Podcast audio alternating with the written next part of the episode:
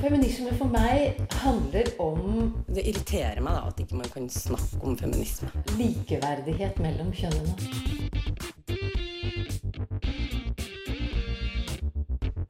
Det blikket på kvinnen på film. handlet det om å bli tatt på alvor som jente. Du hører på Et eget rom på Radio Nova. Er heksa ekte? Ja, er det stadig flere som vil si. Men der den historiske heksa hadde magiske evner til å skade eller helbrede, hvordan kan vi beskrive dagens moderne heks? Og hvordan passer hun inn, inn i feminismen?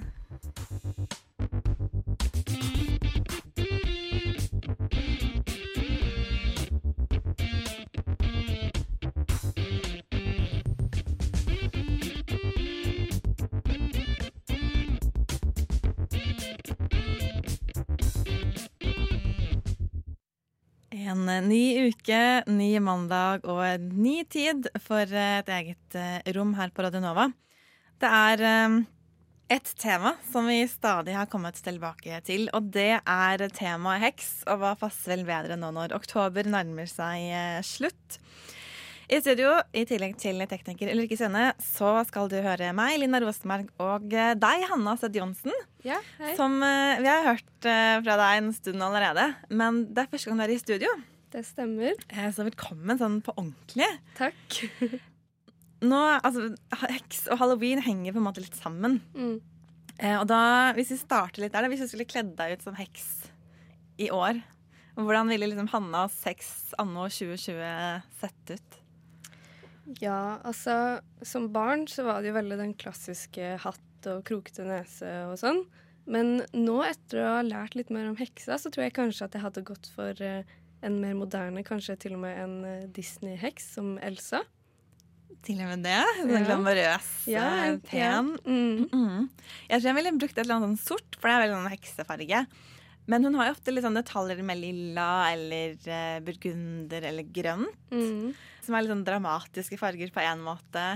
Som hadde vært gøy å liksom bruke. Men også For det handler jo veldig mye Eller for mange som utøver det de mener er hekseri, så handler det jo om en sånn kontakt med seg selv og med naturen. At kanskje ha litt sånn eh, en kvist eller en blomst i håret, eller Det har vært liksom fint. få det naturlige inn i det. Ja, bære litt, eh, bære litt brygg rundt, kanskje.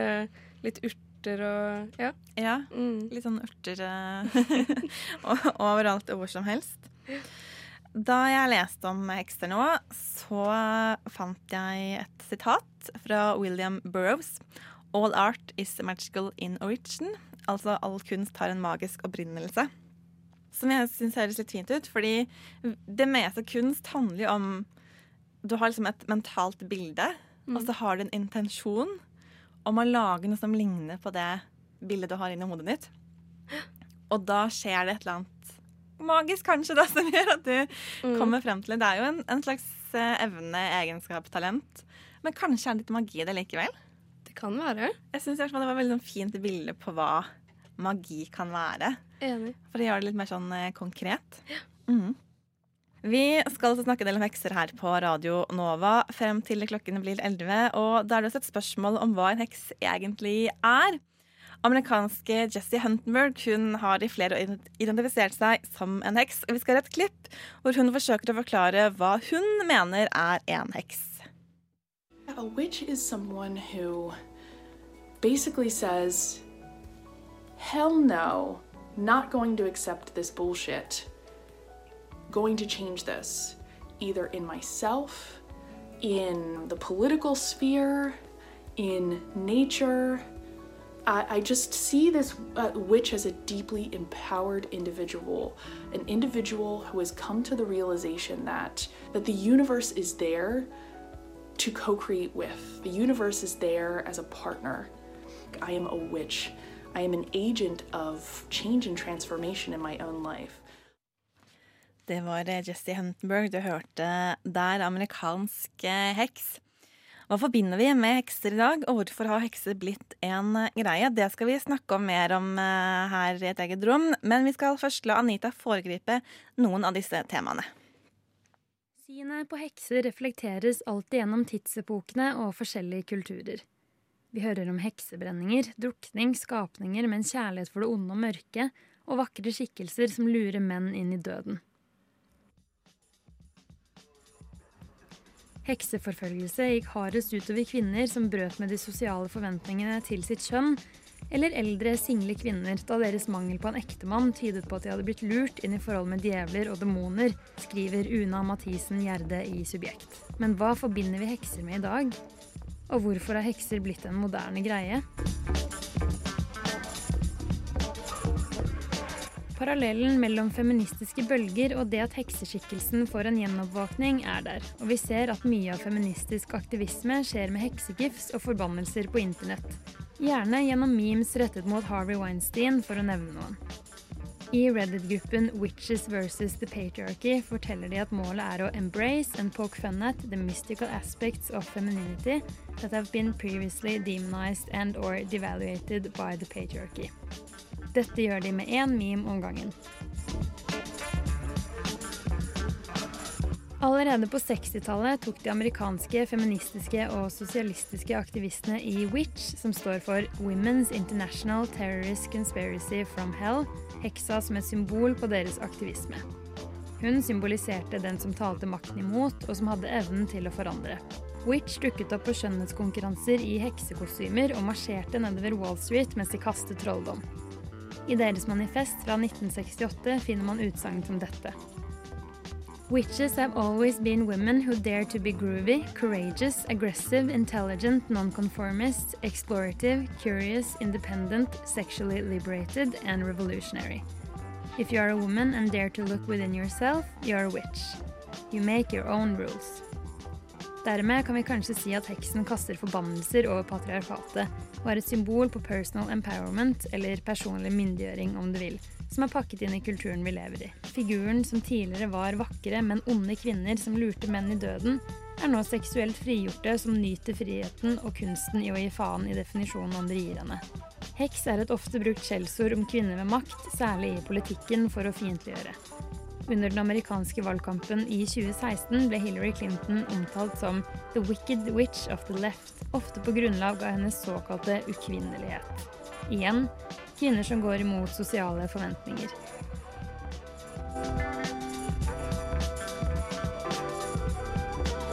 Med moderne øyne tolker vi heksen som kompleks. Hun er på ingen måte utelukkende ond. Heksen står for individualitet, annerledeshet, frihet og er samfunnskritisk. En outsider som ikke lar seg styre. Heksens popularitet har derfor kanskje en sammenheng med dagens samfunn, der det eksisterer en sterk manglende følelse av kontroll over eksterne omstendigheter og politikk blant unge mennesker. Vi ser demonstrasjoner, sinne og et voksende engasjement for politikk verden over i dag. Og dermed er det lett å identifisere seg med den opprørske heksa som ikke er redd for å stå imot makten. Noe som gir henne en slags makt. Så det er kanskje ikke så rart at heksa har blitt trendy. Hun inspirerer oss til å gi litt mer F i sosiale forventninger, samtidig som hun omfavner femininiteten sin, noe som også kvinner kan bli kritisert for i dag. Under tider som kan virke håpløse, er det godt å ha en inspirasjon, noe som minner deg på hva du er i stand til, og omfavner sidene dine, gode som dårlige. Og i dagens samfunn har det blitt heksa.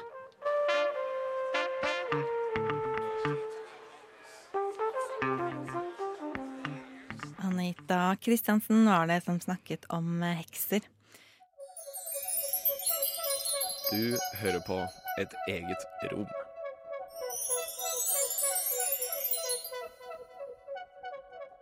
Og det er hekser som er tema i denne utgaven av Et eget rom. Og amerikanske Pam Grossman hun er eh, ei heks og har både skrevet og snakket mye om hva det er og innebærer. Blant annet har hun snakket om selve ordet heks, eller på engelsk witch. you know, that word has some tarnish on it, it has some shadow to it. And I think the shadow is actually an important aspect of that word. That said, Hillary Clinton was called a witch. Nancy Pelosi has been called a witch. Anytime there's a woman with power or a woman that we feel threatens the standards of our society, which is one of the first words that we go to. And that's why I really like the reappropriation of that word. Um, similarly to a lot of women calling themselves nasty woman when Trump. When he called Hillary Clinton a nasty woman, so many women then decided to reappropriate that term and wear it like a badge of honor. And we're seeing the same thing happen with the word witch. Det fortalte Pam Grossman, som altså er en amerikansk heks. I hvert fall det, det er det hun identifiserer seg som. Og vi må nesten snakke litt om dette med eh, heksa og feminisme, for det er noen linjer her eh, Mm. som binder disse to tingene sammen. Og det har jo historisk ikke vært så veldig positivt eh, å være heks. Men nå så har man liksom eh, omfavnet det på en helt annen måte. Mm. Bærer liksom det med stolthet. Ja. Eh, så det har jo skjedd en eller annen endring i løpet av 1900-tallet og innover i 2000. Eh. Mm. Og eh, Kate Godagnigo i New York Times som skrev kommentar for to år siden. Eh, hvor hun skriver om at en heks er en kvinne med makt, og makt til å styre det som skjer. Og hun mener også at heksa sin symbol både, hun både symboliserer at det er noe jordnært på en måte, samtidig som det er en sånn derre instinkt av self-preservation, eller selvbevaring. Jeg vet ikke om det er en veldig godt, eh, en god norsk oversettelse. Fordi at hennes poeng er at hvis du blir beskyldt for å være heks sånn historisk sett, enten det var en overtro eller det var som skjellsord, så, så ble man liksom pådyttet et eller annet. Og som også hadde noen konsekvenser. da. Enten så ble det liksom dratt ned fra den lille trappetrappa du klatret opp på, eller så ble du i verste fall mistenkt for å ja, være en forbryter, da, fordi at du Mm. hadde magiske evner. Har du noen tanker om dette med hekser og hekseri og feminisme? Ja, eh, det var jo litt sånn som eh, det ble snakka om eh, i Anita sitt innslag, at heksa liksom som ord har gjerne blitt brukt for å fiendtliggjøre kvinner. Men vi ser jo veldig mange kvinner nå som på en måte tar ordet, da. Og det de, altså det de gjør da, er jo på en måte å si at vi er, liksom, vi er selvstendige kvinner, og det uttrykker visdom. Men eh, de bruker faktisk også hekseritualer for å få, liksom, få utslipp for den frustrasjonen da, som ofte kommer med å være kvinne i dag. Og ikke minst eh, gjennom all tid. Så det er jo veldig spennende, syns jeg. Sadie Doyle hun har skrevet en kommentar i The Guardian, og i 2019 så skrev hun om at heksen har vært the feminist monster of choice. Mm. Altså Det er det man har liksom strukket seg til. Mm. Det er henne vi tar tak i og liksom tar til oss og, Mm. og Ja. ønsker å liksom gå opp i. Fordi hun eh, er denne sterke, uavhengige kvinnen som bare gir blaffen, på en måte. Og som står i det. Og er sånn, ja, det er jo liksom å vise litt sånn fingeren symbolsk til patriarkatet og undertrykkende normer og konvensjoner. Ja, virkelig. Det er jo det, altså, Jeg syns ikke det er overraskende at du har blitt et feministisk symbol. Spesielt fordi vi så under hekseprosessene at veldig mange sånne kvinnefellesskap da, som var utenfor familien, det ble liksom veldig mistenkeliggjort. Og det gjorde at kvinner plutselig ble sine egne fiender, og de måtte angi hverandre da, for å slippe unna. Så de fellesskapene som dukker opp nå med liksom, kvinner som nå går sammen igjen og sier at vi skal stå sterke sammen, være samfunnskritiske og bruke heksa som et symbol, det er veldig stilig. Og nå er du veldig inne i eh, det som Joe Freeman, som er veldig kjent amerikansk feminist, har snakket en del om. Når det gjelder hekser, dette med at eh, man samles altså Det er et slags nytt, moderne kvinnefellesskap. Og det som skjer når man samles i en gruppe, er jo at da får man jo også mer makt. Mm. Denne heksesabotten, som kanskje særlig var utbredt når det gjaldt sånn overtroen i de tysktalende delene og liksom Sentral-Europa i middelalderen. Altså man, Heksene dro sammen til et eller annet sted, og så hadde de liksom sånne felles oppkok og forbannelser. Mm. Og derfor så var det sånn viktig at man liksom De måtte for all del ikke samles. Eh, det måtte man i hvert fall forhindre. Altså, det var en del av den derre Mm. Heksa er ikke bare skummel i seg selv, men hun er en del av et sånt kollektiv som man ikke kjenner til. Og hun er et kollektiv med liksom djeler og demoner. Eh, og nå tar man liksom dette feminine, kvinnelige kollektivet tilbake og sier vi står sammen fordi det er da vi får makt til å gjøre noe. Ja, heksa er jo frigjøring, og i hvert fall under hekseprosessene så var jo folk var jo livredde for det. I den kvinnelige frigjøringa. Og nå ser vi på en måte at den kvinnelige krafta da kommer liksom ut gjennom å være heks og bruke det som en slags sånn håndteringsmekanisme. Det er en selvhjelpsbok som heter Basic Witches. Som annet handler om at um, det å være heks er egentlig å snakke når noen vil at du skal tie. Og når andre påfører deg skam, så skal du bare nekte å liksom Du skal ikke føle den skammen, du skal bare føle stolthet. Mm. Og peke på at det er veldig sånn Vi lever i en tradisjon hvor kvinner veldig ofte blir påført denne skammen. Altså Enten så har du hatt for mange menn, og da skal du helst føle deg som en hore. Mm. Og det liksom bare si sånn Nei, jeg nekter at du skal si at jeg skal skamme meg. Det er der liksom heksa finnes, da. Den som tør å liksom si nei til denne skammen og tier, selv om folk egentlig vil liksom bare skru deg av og få deg til å, Mm. å være stille. Ja. Eh, og det er jo mye makt i det. Eller sånn at man tar den makten i egne hender, da. Eller sånn selvidentifisering. Mm. Så sett så skjønner jeg jo at han har eh, Det er en figur som, som har veldig mye sånn kraft i symbolikken. Ja, ekstremt mye. Hvis det, ja, Ja, hvis det gir mening. ja. Mm. Absolutt eget rom. Et helt ekte eget rom. Et eget rom. Et helt seriøst og morsomt eget rom.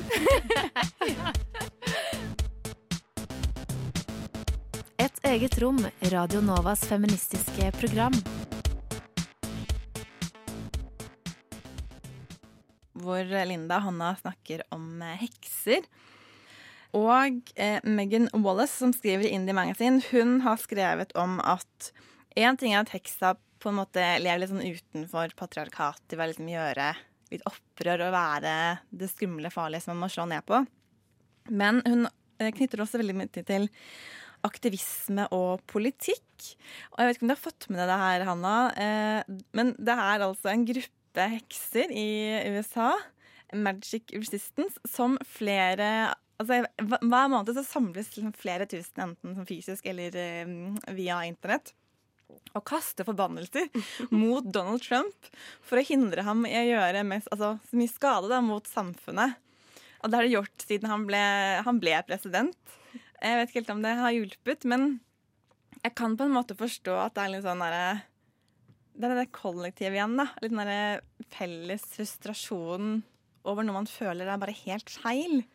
Ja. Og så kan man liksom bare få det ut i fellesskap som en slags form for eh, aktivisme. Mm. Det er jo Jeg tror det er veldig mange som har kjent på det at, at Trump ble president, spesielt amerikanere, er jo noe man har sånn ekstremt lite kontroll over. Og da er det jo, uavhengig om det har virkning eller ikke, så er det jo veldig eh, deilig å få utløp for en frustrasjon og liksom kjenne at OK, men jeg gjør i hvert fall noe. Så ja, jeg syns det er egentlig ganske kult. Men så er det jo også dette med at det er jo en link til det spirituelle og til naturen. Og sånn så har jeg tenkt at det er jo også et slags sånn opprør mot kapitalismen, som bare handler om å bruke mer og mer penger hele tiden. Det er en evig sirkelløp. Og det å ta et skritt tilbake og si sånn Nå vil jeg være liksom i ett med meg selv, komme litt nærmere naturen, det naturlige. Så vil jo det også innebære å si at gidder ikke å bruke disse pengene på Ja. Mm. Jeg kan selv se relasjonen mellom heks som symbol og figur og den det grønn feminisme, og, men også, ja, i tillegg til det spirituelle. Det er veldig sant. Jeg har ikke tenkt på det så mye på den måten, men helt klart. Det er jo Altså, heksa har jo alltid vært veldig liksom fokusert rundt mye naturmedisin, det å liksom helbrede og ta vare på og bevare. Så helt klart ganske tydelig opp mot i hvert fall grønn feminisme, da. Mm.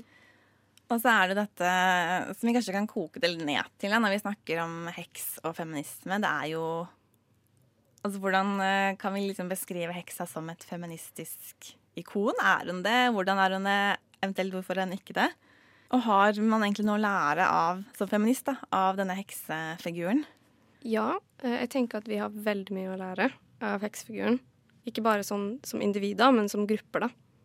Det er en eh, forfatter og nok en gang en heks, eh, Ariel Gore, som har snakket og skrevet om at eh, det var først da hun begynte å identifisere seg som heks, at hun ble bevisst på nok en gang, som vi snakket om litt tidligere, all skammen som samfunnet prøver å liksom, påføre henne til enhver tid. At det ble en sånn bevisstgjøring om hvordan andre Altså hennes plass og rolle i samfunnet, egentlig. Og hvordan samfunnet egentlig er lagt opp, og litt sånn reaksjon på det. Mm. Fordi heksa er jo En ting er at hun er en symbol på frihet, men hun er jo også en veldig sånn aktiv, agerende Hun skaper jo handling. Hvis du tenker på eh, eventyr eller hva det er, så er det jo heksa som hun, Selv om hun er liksom den onde, så er hun den som gjør noe. Og skaper en, en, en veldig aktiv figur. Mm. Eh, og det å være heks er kanskje å ta litt sånn aktivt Eller se på seg selv som en aktiv aktør, da. Og liksom være litt bevisst på hva man gjør, og hvorfor man gjør det, og ikke bare leve livet som alle andre. Ja. Det å være heks er jo å ta plass, og det har kvinner hatt veldig sjelden lov til å gjøre. Og på den måten syns jeg i hvert fall at hun er et feministisk symbol.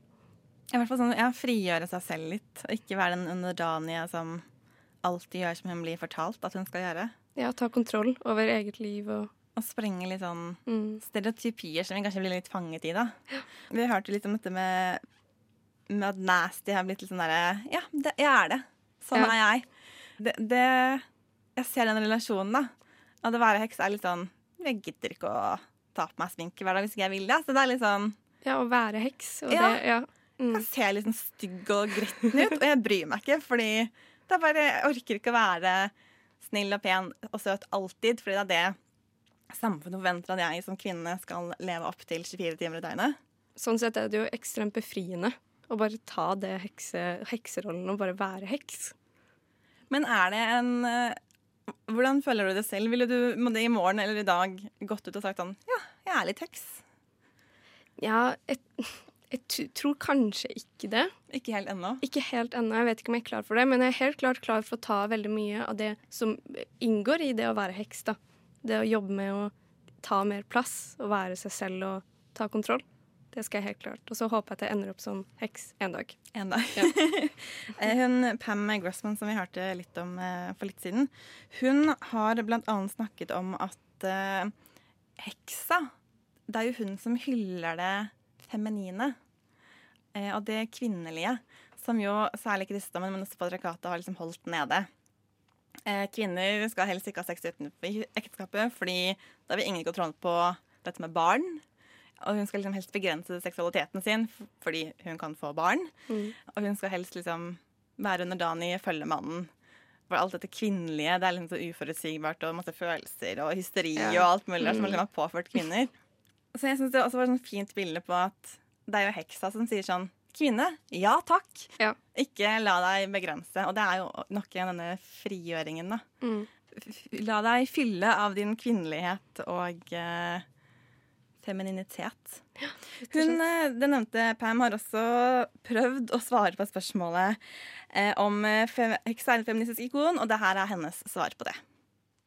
I think they are because, unlike most female archetypes, virgins, whores, mothers, daughters, witches derive meaning from themselves, not from relationship to anybody else. They have power on their own terms. They have power that either comes from within or from some greater source, depending on your belief, or maybe some combination of both.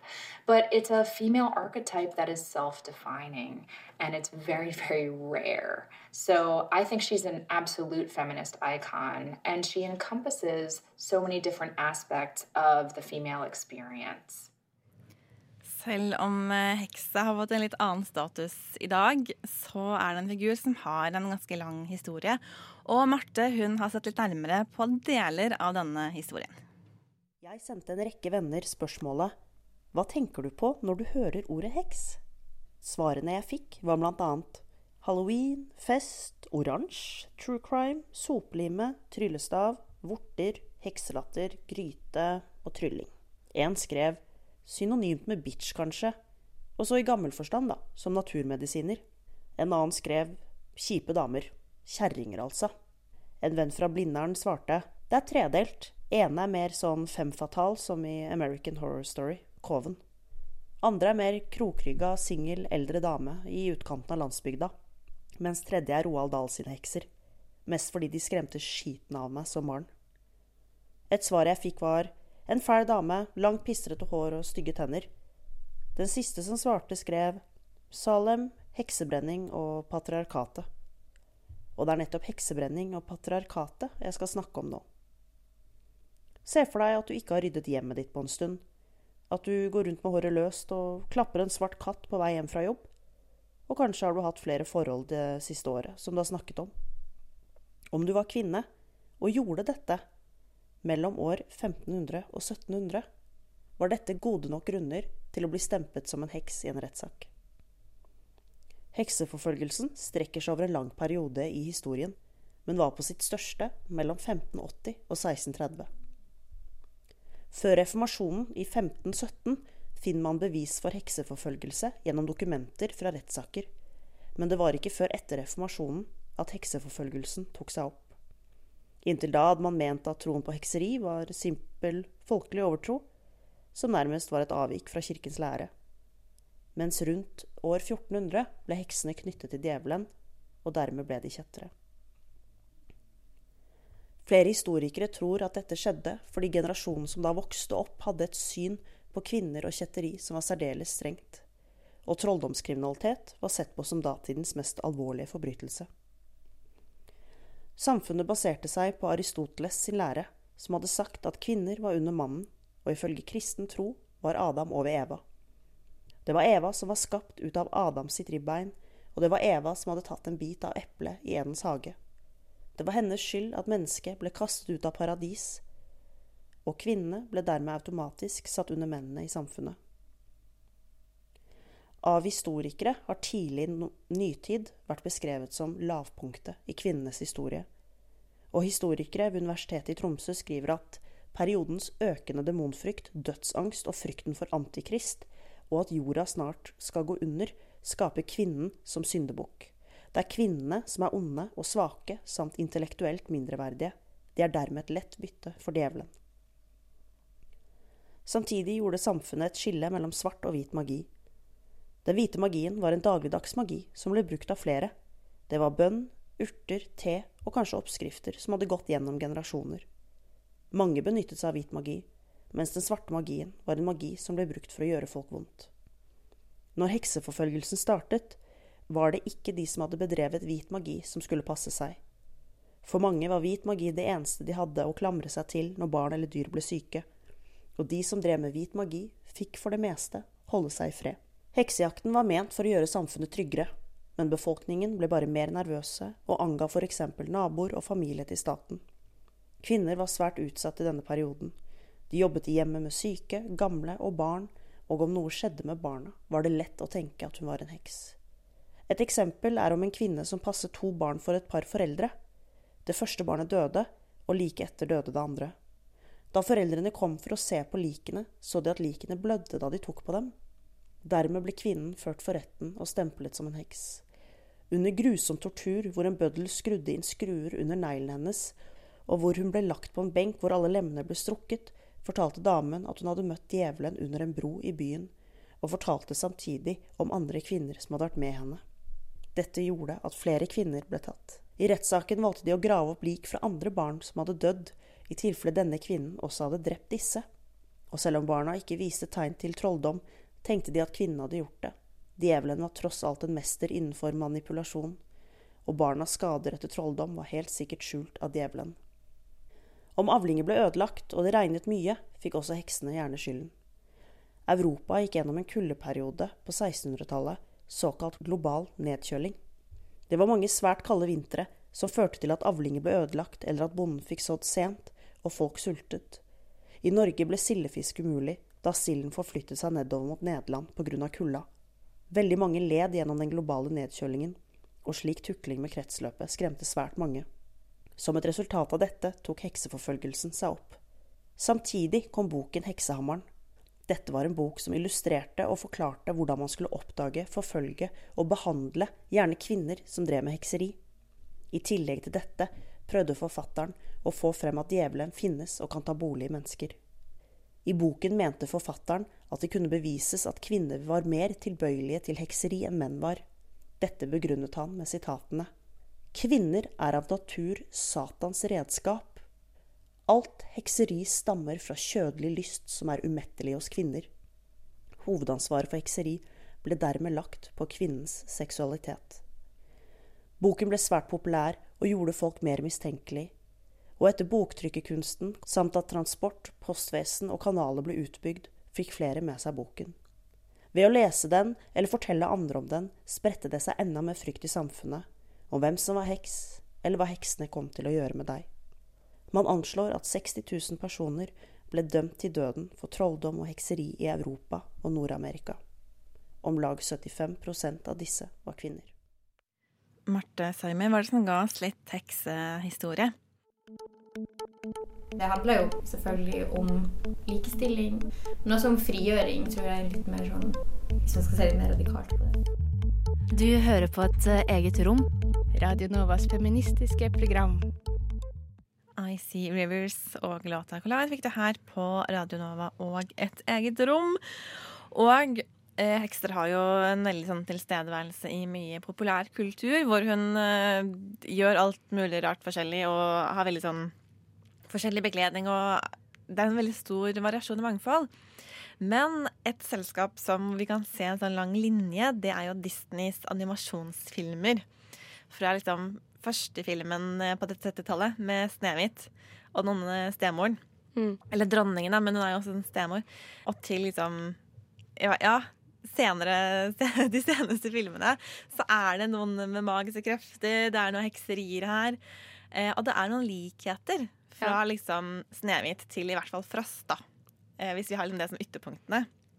Ja, og Derfor hadde det vært gøy å snakke litt om det estetiske ved heksen. Da, fordi at hun er jo ikke bare en symbol og kraftig mm, ikon sånn, i hvordan hun er, men det er en, en veldig sånn estetisk kraft også i hvordan hun eh, ser ut. Veldig. Eh, som hadde vært gøy å snakke litt eh, om. Og så bare antar jeg at han at du har vokst opp med disse filmer, sånn som alle andre. altså, du har liksom uh, sett disse heksene gjennom uh, oppveksten. Ja. Det som er interessant, da, det er at Elsa er den første med magiske krefter som er uh, god, og som er heltinnen. Som er en helt sånn sentral person, ikke bare en biperson. Ja. Og det som er så interessant med Elsa, det er at på mange måter så er hun en slags kombinasjon av klassisk Disney-prinsesse og klassisk Disney-heks. Og det er hun egentlig hele tiden. Eh, fordi denne Disney-heksa, hun er veldig sånn eh, Altså, siden 1500-tallet, da, sånn klassisk eh, overtrohistorie, så var heksa stygg, litt sånn ukvinnelig, luktet vondt fordi hun hadde en, denne relasjonen med demoner og djevelen som stinket, og derfor luktet hun også vondt. Mens hvis du var pen, så var det på en måte en gave fra Gud, og da var det tegn på at du var from og veldig sånn kvinnelig, feminin, eh, den som samfunnet verdsatte. Ja. Og det ser vi allerede i Snehvit, at hun er jo veldig sånn naturlig, det naturlige skjønnet. Det, ja. Mens dronninga og Eller der er før hun blir denne stygge kjerringa. Men i starten så er hun veldig sånn overdrevent feminin. Veldig sånn sterk sminke, eller sånn etterskittende klær. Det er veldig sånn teatralsk, dramatisk, påtatt. Ekstremt sånn den konstruerte skjønnheten versus liksom det naturlige, som er det rette. I Disney sine filmer, i hvert fall, inntil Frost. Så det er veldig sånn spennende å se um, liksom den der overdrevne, liksom nesten sånn ubehagelige femininiteten som de tegner da, i tidlig Disney-filmer, i hvert fall. Uh, og som liksom jeg, føler når jeg ser det nå på nytt som voksen, hvert fall, at det skal liksom fremstå nesten truende. Sånn som Ursula og liksom måten hun går på, liksom ter seg på. Veldig sånn eh, ja, konstruert.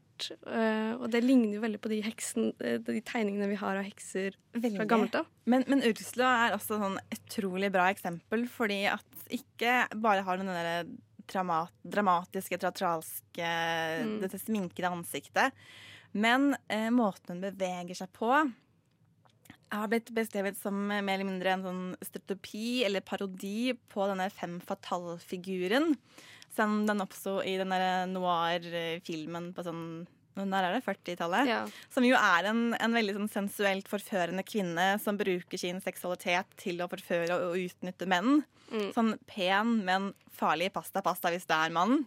Ja, liksom ikke Det er jo sånn Man sa jo gjerne, og det er vel kanskje noen som tenker det fortsatt, at en kvinne som ikke var gift, altså liksom singel eller enke. Hun var liksom veldig sånn et lett offer for liksom alle de fristelsene fra djevelen. Og det er jo alle Disney-heksene er jo single. Det er de. Ja. Eh, altså, jeg må bare si én ting med Ursula. fordi at eh, Hun er altså inspirert av en drag queen, som jo er en mann, men kledd ut som en kvinne. Og Det liksom symboliserer også dette med at det er så påtatt, eller det er det te- teatrale. Men også det at alle prinsessene de har sånn lyse, fine, feminine stemmer. Mens alle heksene, og også andre, altså også Cruella de Vil, for eksempel, da, Eh, og stemoren til Askepott har veldig sånn heksetrekk, selv om de ikke er hekser. Og de har også veldig sånn mørke stemmer. Så det er sånn, ikke bare er det liksom påtatt feminint, men du har en stemme som i seg selv symboliserer at nei, nei, nei, du er ikke en feminin, vakker kvinne.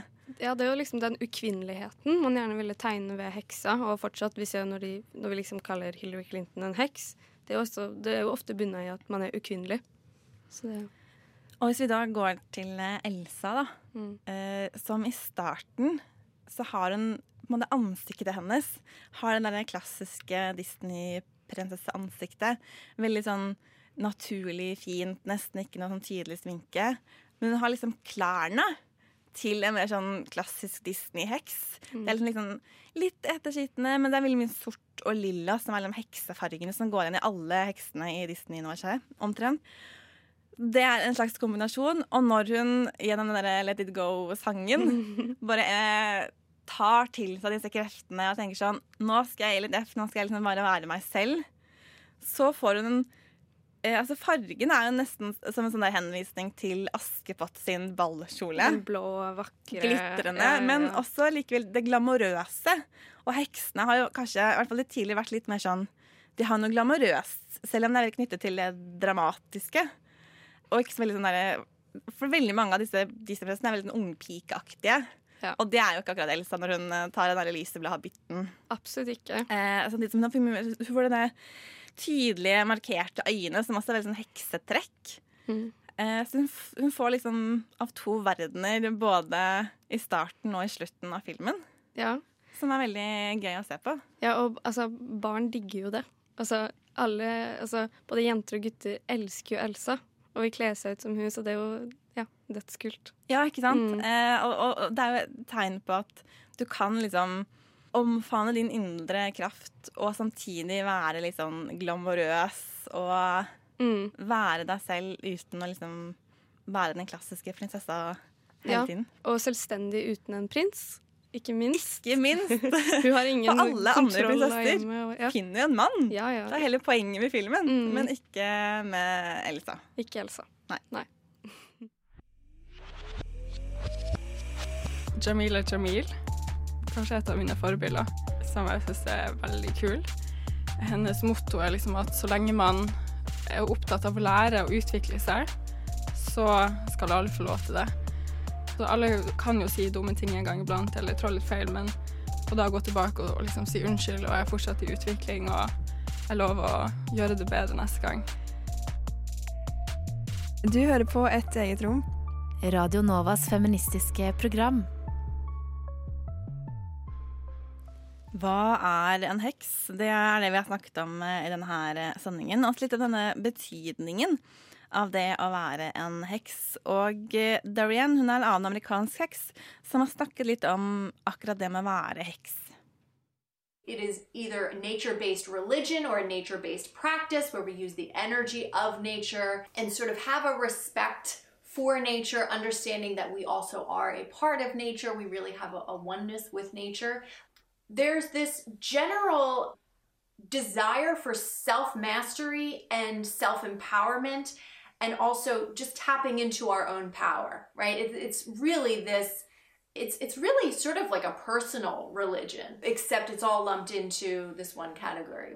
And i think the last thing would also be a healer. There's lots of healing in witchcraft. Vi har eh, altså snakket mye om hekser er et eget rom, og for å oppsummere noe av det vi har snakket om, så har jeg funnet frem et eh, tidligere klipp fra en av våre tidligere heksesendinger om hvem denne heksa egentlig kan forstås å være.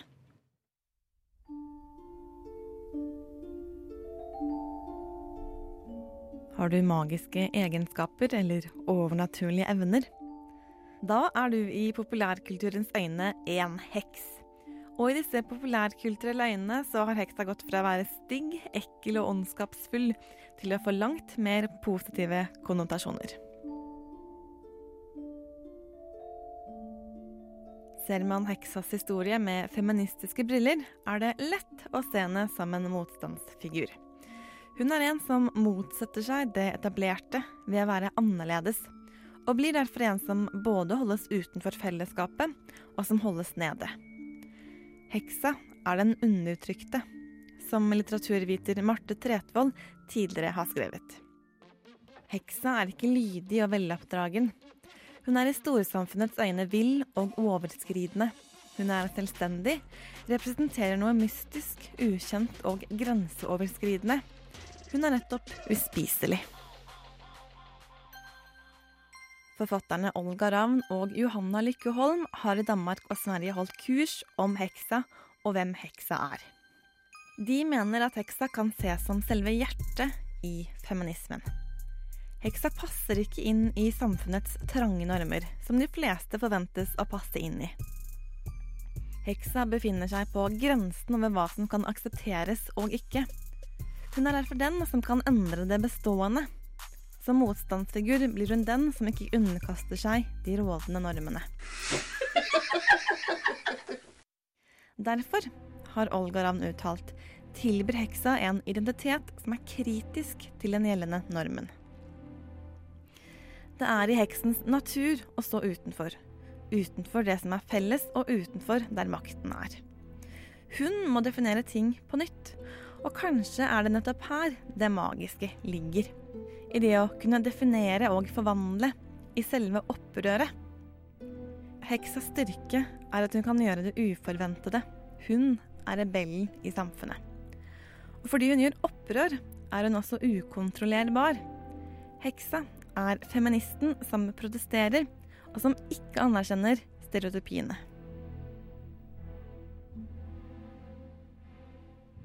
I dag er heksehabitten noe man kan ikle seg selv for å bli skummel, farlig og mektig. Heksa har tradisjonelt vært noen som man må passe seg for. For hva skjedde egentlig under hekseforfølgelsene? Når kvinner og menn ble beskyldt for å ha magiske evner, var det en frykt for at noe ukjent skulle komme inn i det etablerte? Inn i samfunnet, inn i kristendommen, inn i patriarkatet. Ved å bli anklaget for å være heks, mistet man som kvinne sin menneskelighet. Hekser, de feiler ikke. Og kanskje er det her problemet lå. Heksa er feil i seg selv. En trussel for samfunnet, og en heks på bålet gjorde kanskje verden litt tryggere. For trolldom gir makt, og derfor så måtte heksa forstummes, forfølges og utryddes. Hekser brennes ikke lenger på bål her i Norge. Men betyr det egentlig at hun er blitt borte fra samfunnet? Med kvinnenes inntog i maktposisjoner er hun kanskje heller brakt tilbake. Filologen Caroline Tromp skrev siste utgave av tidsskriftet Fett. Moderne politikk er full av hekser. De kan kjennes igjen ved at de er mektige eller på vei inn i en maktposisjon. De er bestemte og ikke redde for å innta upopulære synspunkter. De kan befinne seg på både høyre- og venstresiden. Og de er alle sammen kvinner. Heksa er altså fremdeles truende. Men kanskje ikke så mye i seg selv. Heller er heks blitt en merkelapp for å uskadeliggjøre. For man diskuterer ikke med ei politisk heks. Man ler av henne.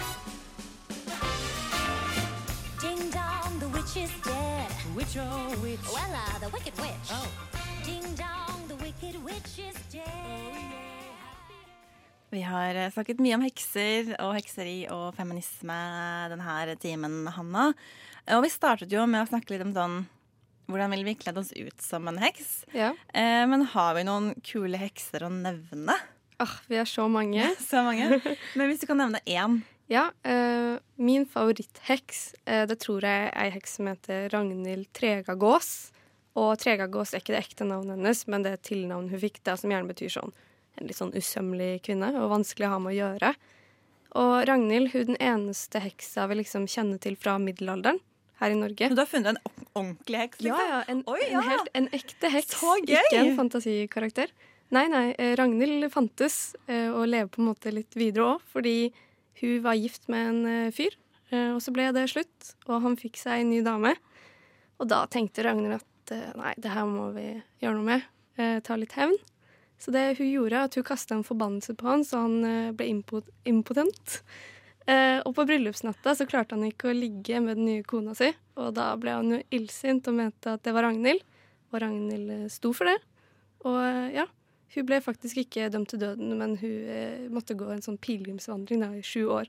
Ja, men, ja. Så her er en kvinne som eh, tenkte jeg prøver. Prøver meg litt på funker. Virkelig, og så funka det jo. Og så kan man jo kanskje lure på hvorfor det funka, men eh, jeg syns jo fortsatt det er ganske rått å ta kontroll på den måten. Absolutt. Jeg har spurt litt rundt om tips. Eh, og en som bare ble nevnt i sånn bisetting, som egentlig ikke var noe som folk foreslo, det er eh, På norsk så heter hun Luna Luneskjær fra Harry Potter. Mm. kanskje ikke min favorittekst, men hun har noen egenskaper som jeg bare digger ved henne. Og det ene er at hun er veldig sånn Hun tror på ting ut fra overbevisning. Hun trenger ikke at det er fakta som ligger til grunn, eller logikk. Samtidig som hun jo er i Ravnklo, som er liksom huset med alle de skoleflinke i Harry Potter-universet. Så hun er jo åpenbart veldig smart. Eh, I tillegg så har hun en sånn derre hun er så emosjonelt intelligent. Mm. Hun er som alltid skjønner hva andre føler, og alltid skjønner hva hun skal si Ja. til de andre som er rundt henne. Men det som er litt kult, er at hun, hun er seg selv. Samme søren. Hun vet at alle syns hun er rar og nesten sånn småsprø. Og hun bryr seg ikke. Hun er seg selv, står for det og tenker sånn på et eller annet tidspunkt så dukker det kanskje opp noen folk som aksepterer meg for den jeg er. Og det er det jeg syns er så kult, da, som en sånn feministisk eh, heksesymbol. Eh, Jeg tror at hun alltid er veldig snill og alltid er veldig modig og lojal mot de som faktisk behandler henne godt. Og hun har et sitat som jeg har lyst til å slutte med. Being different isn't a bad thing. It means you're brave enough to be yourself. Og det syns jeg er så utrolig fint, eh, fint å runde med det. I studio så har du hørt stemmene til Linda Rosenberg og Hanna Seth Johnsen. I tillegg så har Martin Mørkedal Søymer og Anita Christensen bidratt til denne sendingen, og tekniker har vært Ulrikke Sønne. Du har hørt en podkast fra Et eget rom på Radio Nova. Vil du høre mer? Sjekk ut Et eget rom på Facebook, Instagram eller radionova.no.